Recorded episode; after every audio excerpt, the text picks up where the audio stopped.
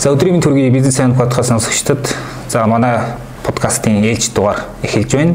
За 21 оны 2 дахь дугаар тийм ээ. За өнөөдрийн зочин бол хүний нөөцийн судалгааны үндэсний хүрээлэнгийн үүсгэн байгуулагч тэгш бүрэн захирал маань ирсэн байна. Тэгш бүрэн багш маань өдрийн мэд. Өдрийн мэд төргий. За баярлалаа. За тэгэхээр тэгш бүрэн багшийг бол хүмүүс мэдэх бах маа подкаст өмнө 2 3 орж исэн. За хүрээлэн маань сүүлийн үед одоо хүний нөөцийн салбартаа яг энэ сэдвэрээ хилцүүлэг судалгааны ажил идэвхтэй хийж байгаа тийм ээ. За тэгэхээр өнөөдрийн битэрийн ярих хэвээр сэдв бол аз жаргалтай ажилтан гэдэг тийм одоо өөрөөр хэлбэл англиар бол employee happiness гэж тийм нэр том яваад байгаа. Тэгэхээр яагаад энэ талаар ярилцах болсон гэхээр ерөөхдөө За өмнө нь бол ингээд нөгөө нэг боловсон хүчин гэдэг ойлголт байсан тийм Оросууд бол одоо кадр гэж хэлдэг байсан тийм. За сүүлдээ хүний нөөц болсон. Одоо ингээд бүр харахаар ер нь за зүгээр хүний нөөц биш одоо хүний нөөцийн менежментын дотор ингээд ажилтны яаж аз жаргалтай байх вэ гэх тээ. За ягаад тэгэхээр аз жаргалтай ажилтан гэдэг нь одоо бүр өмнө тийм боловсон хүчин байсан. Одоо бол ерөөхдөө юм бизнесийн амин сүнс нь гол одоо үүдийн зүйл чиглэл актив нь болцсон юм байгаад шүү дээ. Тэгэхээр бол ажилтныг аз жаргалтай байх гэдэг бол одоо ямар ч компани хүний нөөцийн байтугай ерөөхдөө алсын хараад нь ингээд том байр суурь эзлэх болсон ийм сэдв байна. За энэ талаар өнөөдөр бид ярина. За тэгээд подкаст эхлэхээс өмнө манайх спонсороо танилцуулъя. За манай подкастын дугаарыг Pamper-ийн ханадны ивент итгэж байгаа. За энэ юм нь болохоор одоо ханадны шинж тэмдгийг богино хугацаанд үр дүнтэй намдаадаг. За тэгээд ер нь аль ч одоо аптекаас эмийн сангаас эмийн журуугаар авч болдог ийм юм байна. За мөн одоо та бид нар шиг юм одоо ажилтаа хүмүүс те аяллаар явж байхдаа хурал цуглаа лекц семинарсаа сууж байхдаа ингээд шууд задлаад уучиж болдог. Тэгээд ийм юм манай подкастын дугаарт хамтарч ажиллахад үлээ. За Монгол улс бол одоо TerraMed гэдэг компани аль бие усны эрхтэйгээр оруулж ирж байгаа юм байна. За тань бас ингээд одоо юмыг яаж мэдэх юм бэ? За их баярлалаа. За баярлалаа. Айгүй чухал юм байна. Ер нь одоо ч ингээд нэг жоохон хоолоо молоо сонир болоод тэгэл идэх штэ. Тэгээд яг ханаад ч юм уу юу чинь тэрэн дээр одоо ингээд хамгийн сүүлийн үеийн сайн гэж бодож байна. За хэрэглээд гоё үр дүн. Солонгосын хэрэглэгчд бол нухсгүй байлээ. За за баярлаа. За баярлаа. За тэгэхээр хоёул үндсэн сэдвт орё тий. За тэгэхээр одоо хүн ажлын байран дээр аз жаргалтай байхад тий кайфтай байх гэж ярьдаг шүү дээ. Ер нь гол нөлөөлөлт хүчин зүйлс юу гэдгээс хоёул яриагаа эхлүүл яаж байна. Тий. Тэгэхээр яг гол нөлөөлөлт хүчин зүйлүүдийг судалж авч үзсэн. А тэрнээсээ өмнө бас яг яагаад аз жаргалтай ажилтаа хэрэг болдیں۔ А тэр нь ер нь яг аз жаргал гэж юу юм эдэр гэд тэр нь бас би чухал байх гэж бодож байна. Тэгэхээр нөгөө орчин үед чинь байгууллага болохоор түрүүн бас тэр ярианыхаа ихэнд дурдж исэн. А хүний нөөцийн хөгжлийн дагуу хамгийн сүүлд ямар болчихоо гэхэлэр хуучинчин байгууллага ажилчнаар ингээд юм хийлэгчээд дараа нь ингээд салиу өгдөг тий. Тэгээ авчаад өгдөг байсан тий. А зарим нь болохоор зэрэг өгчөөд авах гээд байгаа юм бас тий. За би чамд ийм өглөө чи тийм хийж өгөөрэй гэ тий. Тэгэхээр авчаад өгдөг юм уу өгчөөд авдаг юм уу энэ нь болохоор хүнд тийм их тийм их сайн таашаалыг сэтгэлд нь нийцдэг нөгөө хуучин байгалийн хуулиар тий байгалийн хуулиар зам ёсны одоо ийм тайван сэтгэл гэдэг нь тэрэн дээр байдаг юм байна. Ялангуяа монголчуудын хувьд хүнээс юм авчгаараа санаан зовоод бүр их юм тайван биш юм аз жаргалгүй болдог. А юм хийчээд нөгөө хүн хизээ өхөл гэж бодхороо зэрэг бас ингээд янз янз аль аль нь яг сэтгэлийн дэнс алдаад байгаа байхгүй. Тэгэхээр тэр сэтгэлийн дэнсийг яг барьдаг тэр тэнцвэр яг юу вэ гэдэг дээр л байгаа. Тийм учраас яг одооны хүний нөөцийн менежментийн үндсэн одоо концепц бол нөгөө нэг employee experience гэж англиар ярьж байгаа Монголоор болохоор зэрэг ер нь ажил хийх хүмүүсээ ингээд тавтай тухтай бүх орчныг сайхан хангацсан бай. А тэгээд нөгөө хүн чинь болохоор зэрэг байгууллага хүн хоёр хоёулаа одоо гадаадынхан win win гэж ярьдаг штэ. Харилцан ашигтай хамтын ажиллагаа хийх ёстой юм байна л гэсэн. Ийм үндсэн концепц өөрчлөлт гарчаад байгаа байхгүй. Тэр нь бол одоо би тэрийг ер нь ашиг сонирхлын нэгдэл гэж үздэг. Надад ашиг сонирхол байна энэ байгууллагт бас ашиг сонирхол байгаа те. Тэрний нэгдэл юм аа. Тэгэхээр энэгээр бид нар ингээд цаашаага явах ёстой. А тэгвэл яг энэ өөрөө зүгээр ингээ энгийн нэг одоо тэгш бүрэн гэдэг нэг хүн дээр ингээ бодоод үцхэд намайг айгу тайван болгочихж байгаа байхгүй. Тайван болгож. Өвтөр чи хоёулаа ингээд яг зорилгоор нэгтцэн. Аль алинд нь юм юу байна уу? Сонирхол байна уу? Байна. Аль алинд ашигтай байна уу? Байна. Тэгэд болоо. Тэгэхээр энийг л би яг одоо нэг хүн нэг сайхан юм тайван амгалан байх те одоо жаргалтай байх суур үндэс гэж бодож байгаа байхгүй. А тэгээд орчлон хорвоо дээрээр нь хүн төрөхтөө бол жаргах гэж төрдөг. Энийг одоо маш олон хүнээс ингээд авсан асуулган дээр бол бүгдээрээ л тэгдэг. Аз жаргалын төлөө гэдэг. Аз гэдэг юм нь бол болохоор Монголын өвгдийн сургаалаар бол хүнд аз тохиодог гэж ярьдаг. Тохионо гэдэг нь хүн болгонд байдаг боломж юм билээ. А тэгэд хүн нөгөө нэг яг тохиосон тэр азийн боломжийг заяа түшээд олоод авчвал жаргал ирдэг гэдэг нэг ийм одоо өвгдийн сургаал байгаа байхгүй. За тэр нь бол би аз жаргал гэдэг энэ үгийнхэн тайлбар гэж ингэж хэлэх гээд байна. А зүгээр нэг ажиллаж байгаа байгууллага дээр ажиллаж байгаа хоёлаа employee happiness буюу ажилтны аз жаргал, аз жаргалтай ажилтны тухай ярьж байгаа учраас одоо энэ дээрээ болохоор би нэгдүгürt нь яг хувь хүн яавал аз жаргалтай байдгийг хоёрт нь байгууллага яг аз жаргалтай ажилтныг бий болгоход яах ёстой гэдэг ийм хоёр юм дээр төвлөрч ярих гэж бодож байна. А тэгээд нөгөө сая өөрөө чи асуусан ер нь тэрэнд нөлөөлдөг ямар хүчин зүйлсүүд байдаг вэ гэдгийг судлахтаа хаанаас судалсан бэ гэхээр энэ эхлээд нөгөө хувь хүн талаас нь судалсан байна. Энэ дээр бол 2000 2000 оны Омарагийн судалгаа гэж юм алдартай судалгаа байд. Тэр судалгааны арга зүйгээр би Монголд ажилтнуудын дунд одоо 9 өслийн судалгаа гэдэг нэртэй юм судалгаа хийгээд за тэгээд тэр нь болохоор юу юу бэ нөхлөөр ерөөсөө хүний өөрийнх нь байгууллагаасаа хүсдэг юм байна. Хүсдэг юм. Одоо тэрийн тэр хүсдэг юм олоод мэдчих юм бол бид нар тэрийг байгууллагаасаа хангуулчихна гэжсэн ийм бодлоготойгоор судалсан байхгүй. Тэгэхээр ерөөсөө нэгдүгürt нь Монгол хүнд бол хүрэлцгүйц цалин гэж. Цалин. Тэгэхээр яалтж байхгүй ерөөсөө цалин чухал юм байна. За хоёрт нь болохоор эрүүл мэнд байгаа. Эрүүл мэндэд хорвоо. Гуравт нь чадвараа үнэлүүлэх гэж. Тэр нь бодвол одоо чадвараа шударгаар үнэлүүлэх юм уу те. Ийм үнэлгээ байгаа.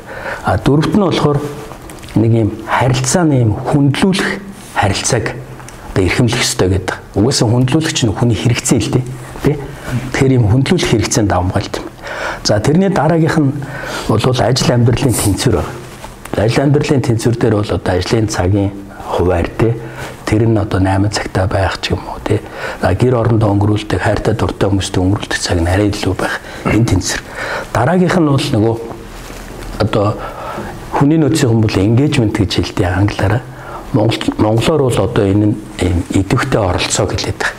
Бүх юмд гоё юм идэвхтэй оролцохыг л ажилд хүсдэг юм байна. Олон нийтийн ажилд идэвхтэй оролцохыг хүсдэг. Баг хамтын ажиллагаанд идэвхтэй байхыг хүсдэг. Өшөө дээр нь одоо бус нэг асуудал шийдвэрлэх гэдэг нэг шийдвэр гаргахад хүртэл өөрийнхөө саналыг сонсоосоо гэж бодд юм байна. Тэгээд тэрэндээ би хувь нэмэр оруулсан гэд дараа нөгөө нөгөө сэтгэлд нь нөгөө нэг дундуур байсан юм дүүрэхтэй нэг юм том хүчин зүйл байдаг. Дараагийнх нь бол хийж байгаа ажиллаар нь бахарах гэж нэг юм байна. Хүн болго ингэж бодд юм байна. Би энэ байгууллагатай хэрэгтэй хүн гэж боддог. А тэр хэрэггүй хүн гэдэг мэдрэмж шиг одоо хогийг байх. Тунж тааруухан мэдрэмж бол энэ ер нь ер нь байхгүй. Тэгэхээр би энэ байгууллагт хэрэгтэй хүн шүү. Миний ажил их чухал хэрэгтэй ажил шүү. Би ёстой нэг хэрэгтэй юм л хийгээд байгаа юм гэж боддог. А тэгээд тэр нь бас юм дэнстэй байх хэрэгтэй. Тэр туйл нь эксчээр зэрэг нөгөө би овчул эднэр баларлаа гэдэг нэг андуурл үүсдэг шүү дээ.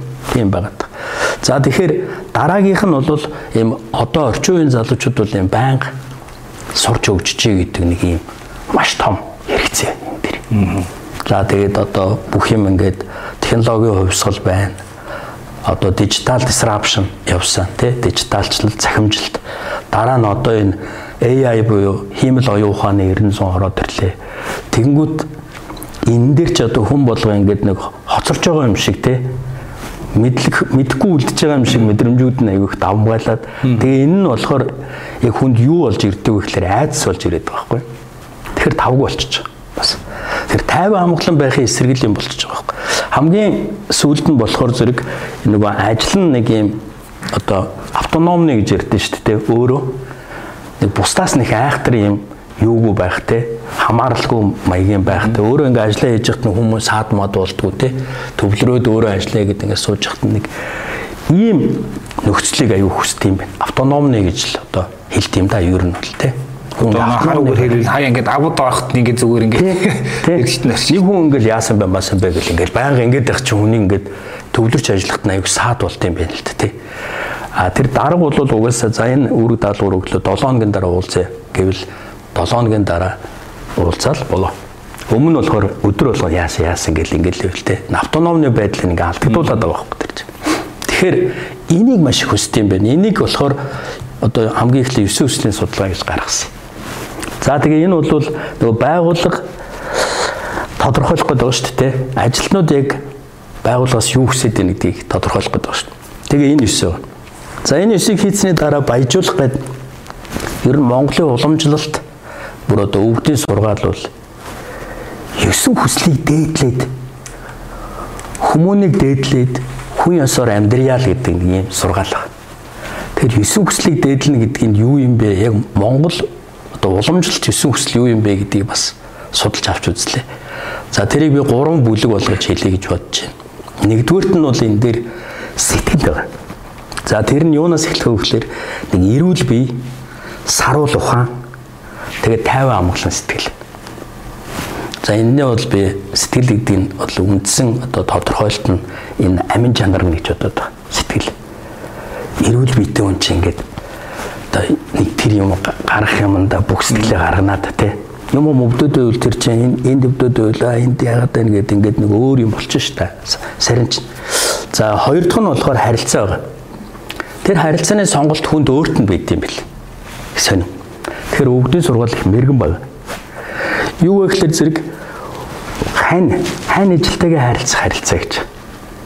За тэрийг бол одоо үрдийн хань тий насан турш. Үр хүүхдтэйгээ харилцах харилцаа гэж. Монгол хүний ер нь онцлог бол үр хүүхдтэй байдгаа барьдаг. Тийм л одоо онцлогтой юм байна. Юу вэ гэхээр зэрэг ингээд нөгөө өхөвч үл харам гэдэг юм юутай философитой. Тэгээ байдгаа үр хүүхдийнхээ төлөө барьж ивэл тэгэл өөртөө одоо юм үлдэхгүй байх нь тэр хамаагүй. За энэ дараагийнх нь үнэн чи анд байт юм. Анд. Найз нөхөд нөхөрлөө шүү дээ үнэн чи анд. За тэгээ энийг нь бол би бүлгээр нь бол харилцаа юм байна гэж бодож байгаа. Харилцаа тий гэр бүлийн харилцаа. Аа тэгээд найз нөхдөд харилцаа. Тэгээд одоо үр хүүхдээ үр үр хүүхэд эцэг ихийн харилцаа. За гурав дахь юм нь бол би яг Монголын уламжлалт дээр бол тэр Монгол хүний нэг тийм нэр төр нандин чанар байна. Монгол хүний нэр төр. Ягаад гэвэл өвгдүүд тэгээ сургацсан байна. Хүн нэрээ тогс өдөө гэдэг.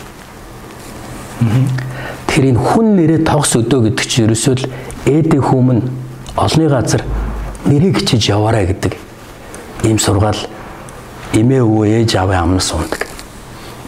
Тэр нь бол бид нар аягүй чихэн дээр галтруудад ойлгохгүй ингэ яваад өчөж. Тэгэхээр энэ хүн нэрээ тогс өдөө энэ Монгол хүний хамгийн гол мотивацийн ийм ухаан гэж би бодоод идэвхжүүл. За дараагийнх нь эзэн одоо эзэн хичээх гэж байгаа. Эзэн хичээх. Наймдхан шүү дээ. Эзэн хичээх. Тэгэхээр эзэн хичээвэл заяа хичээнэ. За тэр ёслох нь бол утга учиртай оршихуй байна. Одоо яг зоригтой амьдрал утга учиртай оршихуй. Энэ насанда амьдтай ийм юм хийх ёстой гэдэг нь хүний өөрийнх нь хариуцлага ба шүү дээ ийм өсөн юм байна. Тэгэхээр нөгөө өсвөслийн судалгаа Монгол уламжлалт хоёрыг харьцуулаад ингээд аваад үзэж байгаа. Уламжлалт дээр бол ерөөсөө хүний сэтгэл байна, ухаан байна, харилцаа байна. Ийм гурван юмар дүгнэж. Та тэгэхээр ерөөхдөө ингээд одоо энэ асуудлыг хүний нөөцийн асуудал гэх юм уу, над жаргалтай ажлын гэдгийн сэдвийг одоо Монгол уламжлал ер нь Монгол ухаантай холбоод ингээд тодорхой судалгааны ол тулаа гаргаад ирлээ шүү дээ тий. За энэ бол одоо таны хийсэн гол одоо бас нэг ажил баг. А гэхдээ та бас ингээд компаниуд зөвлөх үйлчлэгээ үзүүлдэг хамтарч ажилладаг тий. Яг өнөөгийн нийгэм эдийн засгийн нөхцөлд тий бизнесийн амьдралд одоо таны гаргаж ирсэн томьёолыг хэмээн олдоход яг зүгээр компани алсын характер, стратеги те за цаашлаа тэгээд хүний нөөцийн менежментийн төвшин ингээд нутагшуулах те ямар нэгэн одоо юу гэдгийг арга зүй юм уу түүл олгоод хэрэглэхэд ер нь яг ямар асуудал байгаад байна та энэ дээр яаж тусалж чадах тэр компаниуд юм. Тэгэхээр эндээс түрүүн би хэлсэн нөгөө Монгол уламжлалт дээр бол харилцаа байгаа. Хүний сэтгэл байгаа. Аа тэгээд ухаан байна тий.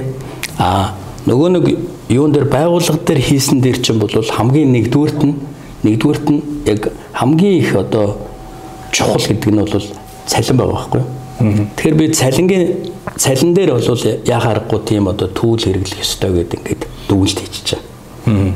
Одоо 80 20-ын зарчмаар үзье л да тий. Бүгдээр ингэ хэрэгжүүлж чадахгүй ийм их хэмжтэй. Тэгэхээр нэг 20% нь хэрэгжүүлчихвэл 80% эффекттэй гэдэг юмыг бодож байгаа. Тэгэхээр би цалингийнх нь асуудлыг шийдье. А яаж шийдэх үү гэдгийг нь одоо бас би хэлж өгье. А тэгээд дараагийнх нь бол тэр нөгөө үр хүүхдийн харилцаа гэж байна. Үр хүүхд, үр хүүхдтэй гэдэг. Тэгэхээр үр хүүхдтэй санаа зовдөг тэр зовнил нь бол дэндүү их байна гэдэг нь энэ бус нөгөө хүчин зүйлээс илүү нөлөөлтөй эффектийг дэм гарч ирдэг байхгүй. Тэгэхээр үр хүүхдээ яах вэ? Цалин яах вэ? Цалингийн зохицуулж өгье. Үр хүүхднийх нь асуудлыг одоо шийдэх ёстой. А гуравдугаарт нь бол юу гэхэлэр зэрэг эднэрийн бүгдээрингийн ингээд нөгөө компани компани яг үндсэн суур үзэл баримтлал үзэл баримтлал а тэндээсээ болохоор хүний нөөцийн бодлого тий хүний нөөцийн бодлого энд нь оруулаад тэгээ загварчилчих гэсэн юм байна. Тэнд нь бол ерөөсөө шууд 5-аас 6 том хүчин зүйл болгоод аваад тэгээд модуль болгоод явчихдаг загвар. Энэ нь болохоор цаашаа бүр ингээд олон улсын стандарт болсон байна л да. Би стандартуудыг харьцуулаад үзсэн чинь Английн тэр нөгөө employee happiness framework гэж стандарт нь бол хамгийн их ойртож төгчөө. Тэр тэр стандартыг хэрэгжүүлэх зүйтэй юм а гэж ингэж тодорхойлоод байгууллага тэр нэг 5-аас 6 ямиг л багцлаад хүний нөөцийн бодлогондоо оруулаад хэрэгжилжүүл ер нь тэр employee happiness гэдэг юмыг байгууллагын талаас нь ингээд нөгөө нэг employee experience гэдэг тодорхойлт томьёолыг орсон ийм таатай орчин бий болж байна. А одоо хүн талаас нь гэх юм бол цалингийнх нь асуудлыг а нөгөө хүү үр хүүхдийн асуудлыг шийднэ гэдэг энэ хоёр дээр нь дахиад бас одоо нэг тийм нөгөө түүл аргачлал бодож Монгол хүний онцлог байгаад шүү дээ. Монгол ерөөсөө цалин юм бэл. Тэгэхээр нөгөө ажил хийсэн тэгээ яг хийсэн дороо тэр цалингаа авах гэдэг нь хэрэгцээ нь дамгүй байдаг байхгүй. Ягаад Япон солонгос яваад нөхлөд тэдний нөгөө цалин цагийн системтэй бүр юм уян хатан болохоор тэр тэрийн шийдэх одоо юу бас биднэрт байж байна. Яг одоо цалингийн хувьсэл хувьсэл гээд бүр ингээд цалингийн хувьсэл өөрчлөлт хийсэн финтек байж байна. А тэр нь бол хүн ингээд ажилласан өдрөө тэр байгууллагаас нь өмнө тэр финтекээс үндсэн цалингаа авчиж бол. А тэр нь болохоор юу гэхэлэр зэрэг төлбөргүй үйлчлэгээ. А тэгээд нөгөө байгууллага яах вэ гэхэлэр зэрэг нөгөө юу руу чин нөгөө одоо аппликейшн юм уу систем рүү чинь те тэр хүний яг 10 хоногийн ажилласан цалингаа би одоо авъя гэвэл хүснээр нь авчиж бол. А тэрнийх нь оронд нь байгууллага дараа сарын нэг 20 цалин бууштай. Тэгэхээр нөгөө нэг 10 хоногийн цалин гэдгээр юунууд нь оруулчихна аппликейшнээр нь хийчихнэ. Тэгэл бол. Ингээд шийдсэн шийдэл байд юм бэ.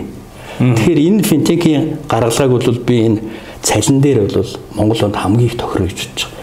Яг л өнөөдөр ингээд цалингаас цалингийн хооронд хүлээж явахдаа хүн ингээд аюу их хэрэг гарч байгаа байхгүй.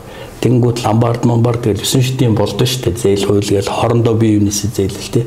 А энийг шийдчихэр хүн ерөөсөө нөгөө эргээд 3 юм дөр төвлөрөхөөр хүн ерөөсөө тэр санхүү эдийн засгийн асуудал дээрээ хамгийн хэрчим хүчээ алдаад хамгийн их санаа зовлон үүсээд хамгийн их сэтгэлийн юм тэг болоод нөгөө сэтгэл гэдэг юм байна.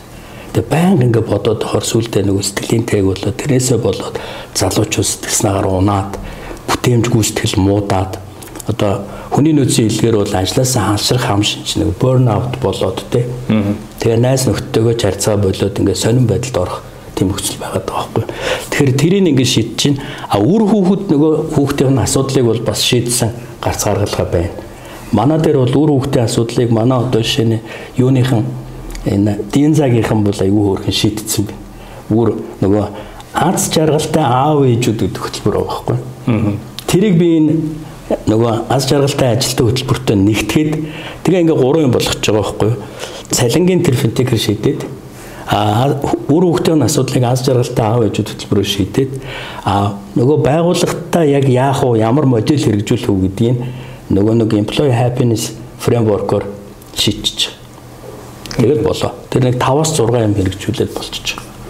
Тэгэхээр одоо бид нар аз жаргалтай ажилтныг ингээ ойлгодог боллоо, мэддэг боллоо. А ингэ ёстой гэж ярих биш. Ийм ийм аргаар хэрэгжүүлж болно гэдэг ийм яг одоо юм юуг л одоо бэлэн ийм загварыг л бэлтэж. Тэгэхээр нөгөө нэг ажилтнаа ойлгох ойлгодог байх гэдэг чинь айгүй чухал байгаад шүү дээ тий. Тэгэхээр бол энэ яг ингээд нөгөө компани одоо ажилтнуудын тоо том жижигс нэлээд хамаарах бах тий. Хамаарна. Одоо ялангуяа том компаниуд дээр тодорхой юм түүл тим нэг одоо методик хэрэглэх гээд шүү дээ. Яг тэн дээр яг зүгээр танд өгс санаа зөвлөгөө юу вэ? Нэр нэг ажилтнаа яаж тэр ер нь юу үсээд байгаа те аж жаргалтай байна уу гэдгийг мэдхийн тулд тэр ямар арга хэрэгсэл байгаа тийм. Аж жаргалтай байна уу гэдгийг мэддэг арга хэрэгсэл нь бол хоёр зам байна. А байгууллагын яг ингээд нөгөө том групп группийг ярьлаа шүү дээ. Том байгууллагын хувьд одоо яг аз жаргал нөгөө аз жаргалтай байна уу гэдгийг тодорхойлдог гол юм нь бол эхлээд нөгөө employee listening гэдэг юм юу байгаа. 12 трактай хөтөлбөр байгаа. 12 төрлөөр тэр хүмүүсийн нөгөө нэг өөрсдийнх нь юу бодож байгаа, яамар байгаа гэдгийг сонсдог аахгүй. Сонсдог. Зүгээр энгийнээр хэлэхэд ажлын гүйцэтгэлийн үнэлгээ хийхдээ хүнтэйгээ ярилцсан шүү дээ. Тэгтээ хүртэл сонсно. Тэгээд дараа нь ярьсан юм чи тайлан болгоо бичээрээ доор нь нөгөө юу хүсэж байгаа ямар байгаагаа бичээрээ ер нь болж гэнэ болж өгнө бичээрээ гэдэг чинь бас болчихно. Репорт тий.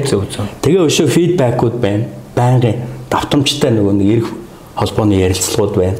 Тэгээ өшөө нөгөө юу та X групп таныг сонсож байна гэсэн юм нээлттэй юм хотлайнууд, нээлттэй юм юу одоо мессенжер өшөө имэйл хаяг одоо хуучнаар бол зөв нөө харилцагчдаар бол жишээлбэл санал гомдлын дэвтэр гэдэг шиг тий санал гомдлын хайрц гэдэг шиг ажилтныгаа сонсож байна гэдэг тийм 12 юм замтай хөтөлбөр байгаа байхгүй. Энийг бол одоо дэлхийн нэг алдартай Жош Борсны юу байгаа модель байгаа. Тэрийг бол одоо бид нар яг ингээд ямар ямар трак байдаг вэ гэдгийг гаргаад ирсэн байгууллага дээр ингээд хэрэгжүүлээд явж байгаа том групп. Тэгээ та түрүүл ингээд Монгол хүний хувьд бол хамгийн чухал нь хөрөлцөхөөс цалин гэлээ. Тэгээ одоо ер нь одоо өрсөлдөхөөс цалин энэ төрөл яриад байдаг те. Одоо гэхдээ ингээд компаниуд яг нөгөө бодит байдлаа харахаар одоо нөгөө нэг ажилтнууд олдоц муудсан хөдөлмөрийн зах зээлд өрсөлдөө маш ширүүн болцсон. Ерөөхдөө зөвхөн дотооддоо биш ингээд гадны банк компаниуд хүртэл ингээд ялангуяа IT-ийн салбар дээр ингээд Монгол залуучуудыг хаантан хийдэг болцсон.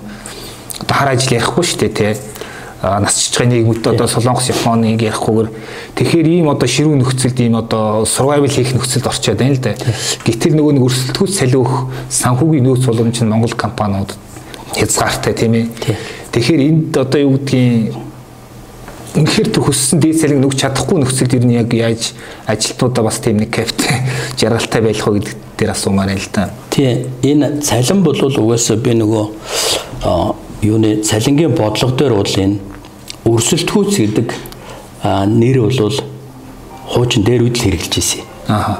Одоо тэгээ орчин цагт бол энэ өрсөлдөхүүцгээсээ илүү тэр салбартаа тэр салбартаа тэргүүлэх цалин гэдэг юм уу те. Аа эсвэл энэ салбарын одоо хамгийн одоо боломжит цалин гэдэг юм уу те.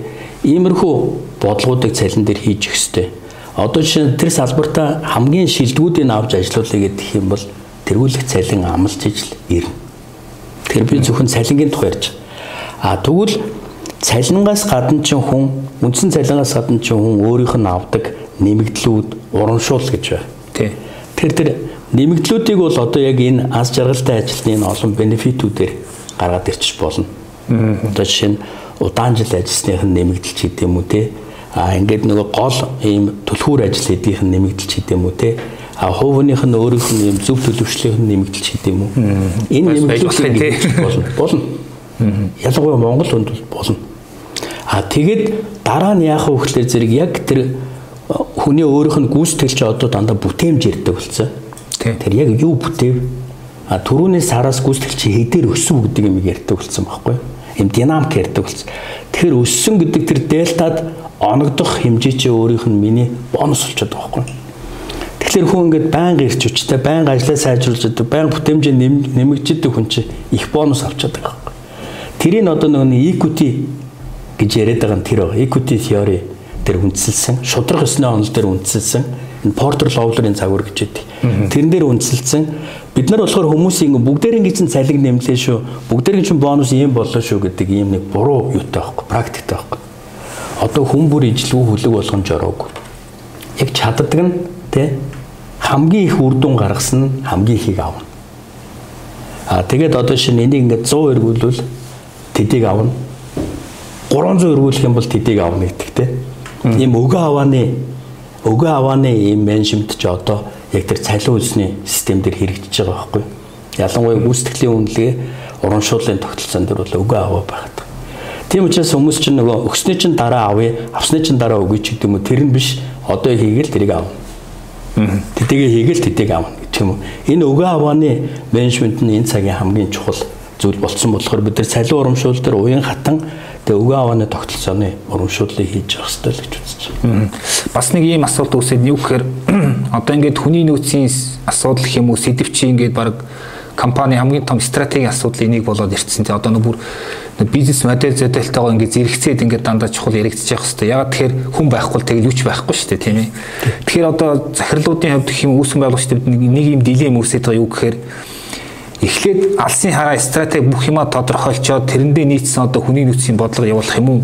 Эсвэл ерөөсөө хүнийгээс ажиглалтай байх уу гэдгээ ойлгосныхаа дараа тэр одоо компани стратеги алсын хараагаа гарах хэрэгтэй мүү гэдэг нэг юм ийм хоёр асуудал байгаад байгаа тий.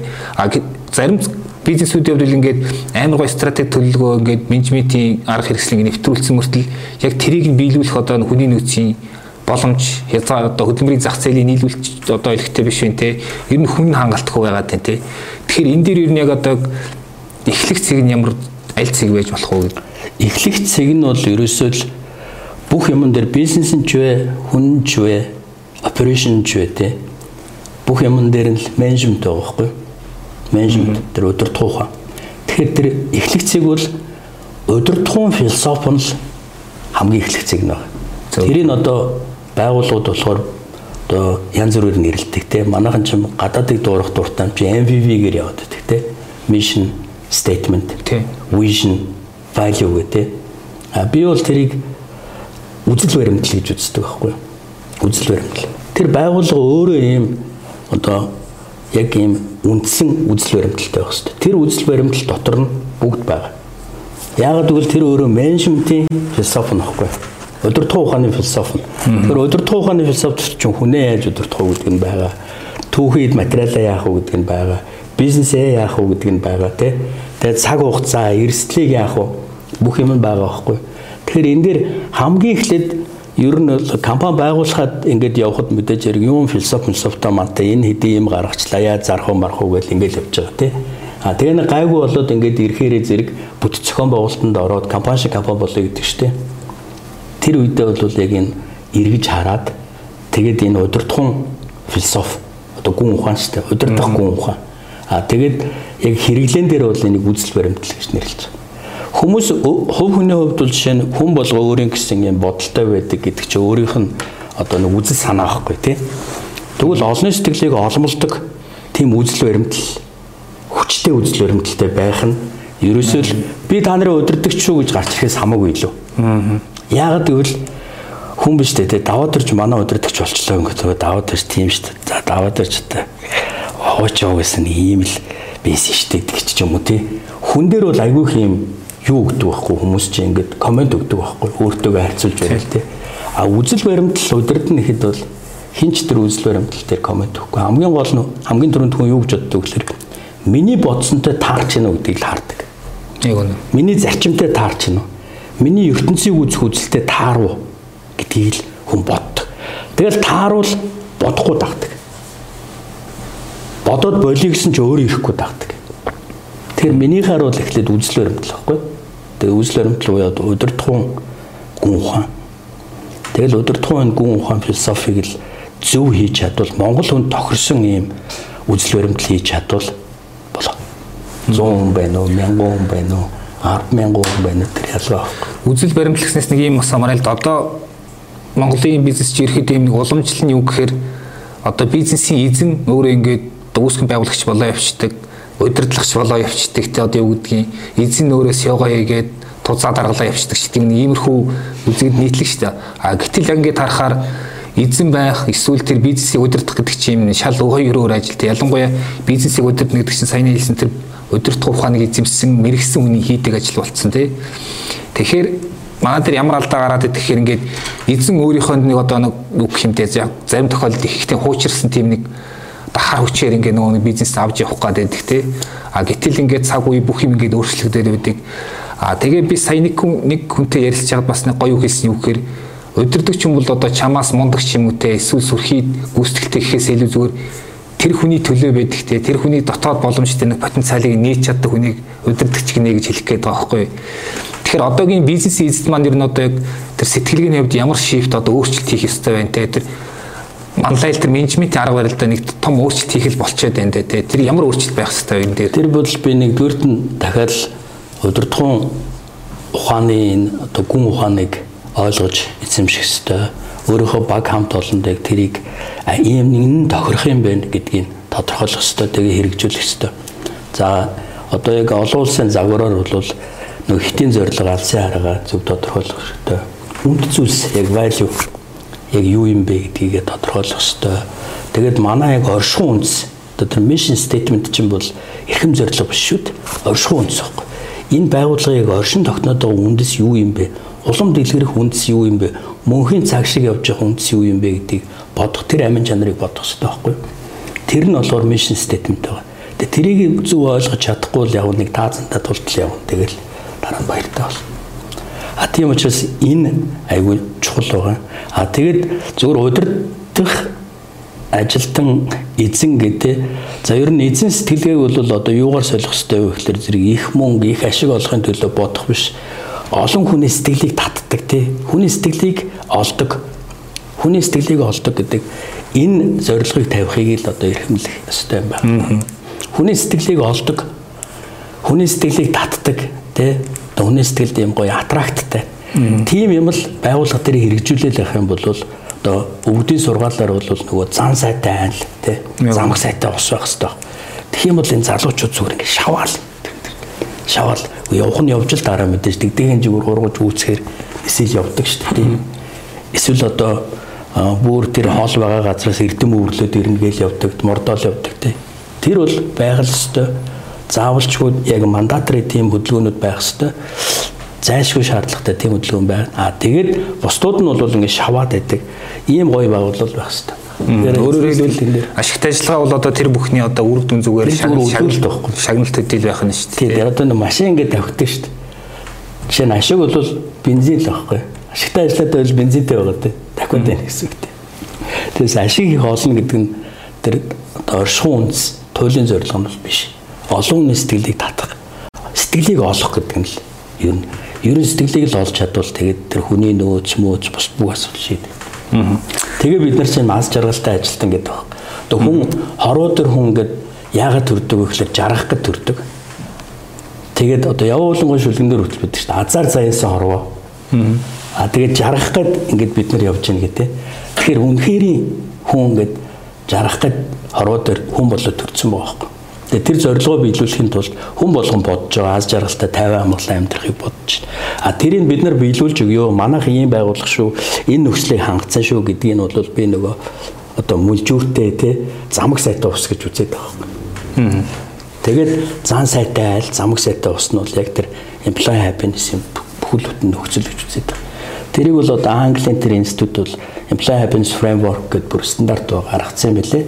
Тэгээд үзэхэд бол яг одоо яхаа яхаарахгүй англиар хүчигдээд ингэсэн болохоос буулгаад ингээд яг хугтгуунаар нь аваад үзэхээр бидний энэ ярьж байгаа юмнуудыг л хэрэгжүүлэх талаар полисиг гаргацсан байна. За тэгэхээр подкастын сүүлийн асуулт ийм байна. За ямар ч одоо үзэл баримтлал гэдэг юм уу, онол гэдэг юм ингээд амьдралд хэрэгжиж ирвэл тэрийг хэмжих зайлшгүй хэрэгцээтэй. Тэгэхээр одоо ажилтны 9 өслийг биелүүлсэн тийм нөхцөл байла. Аж жаргалтай ажлыг бий болгочлаа гэхэд тэр аз жаргалыг нь яаж хэмжих юм гэдэг нэг асуулт байх гэдэг. Тэгээ энэ дээр та юу хэлэх вэ?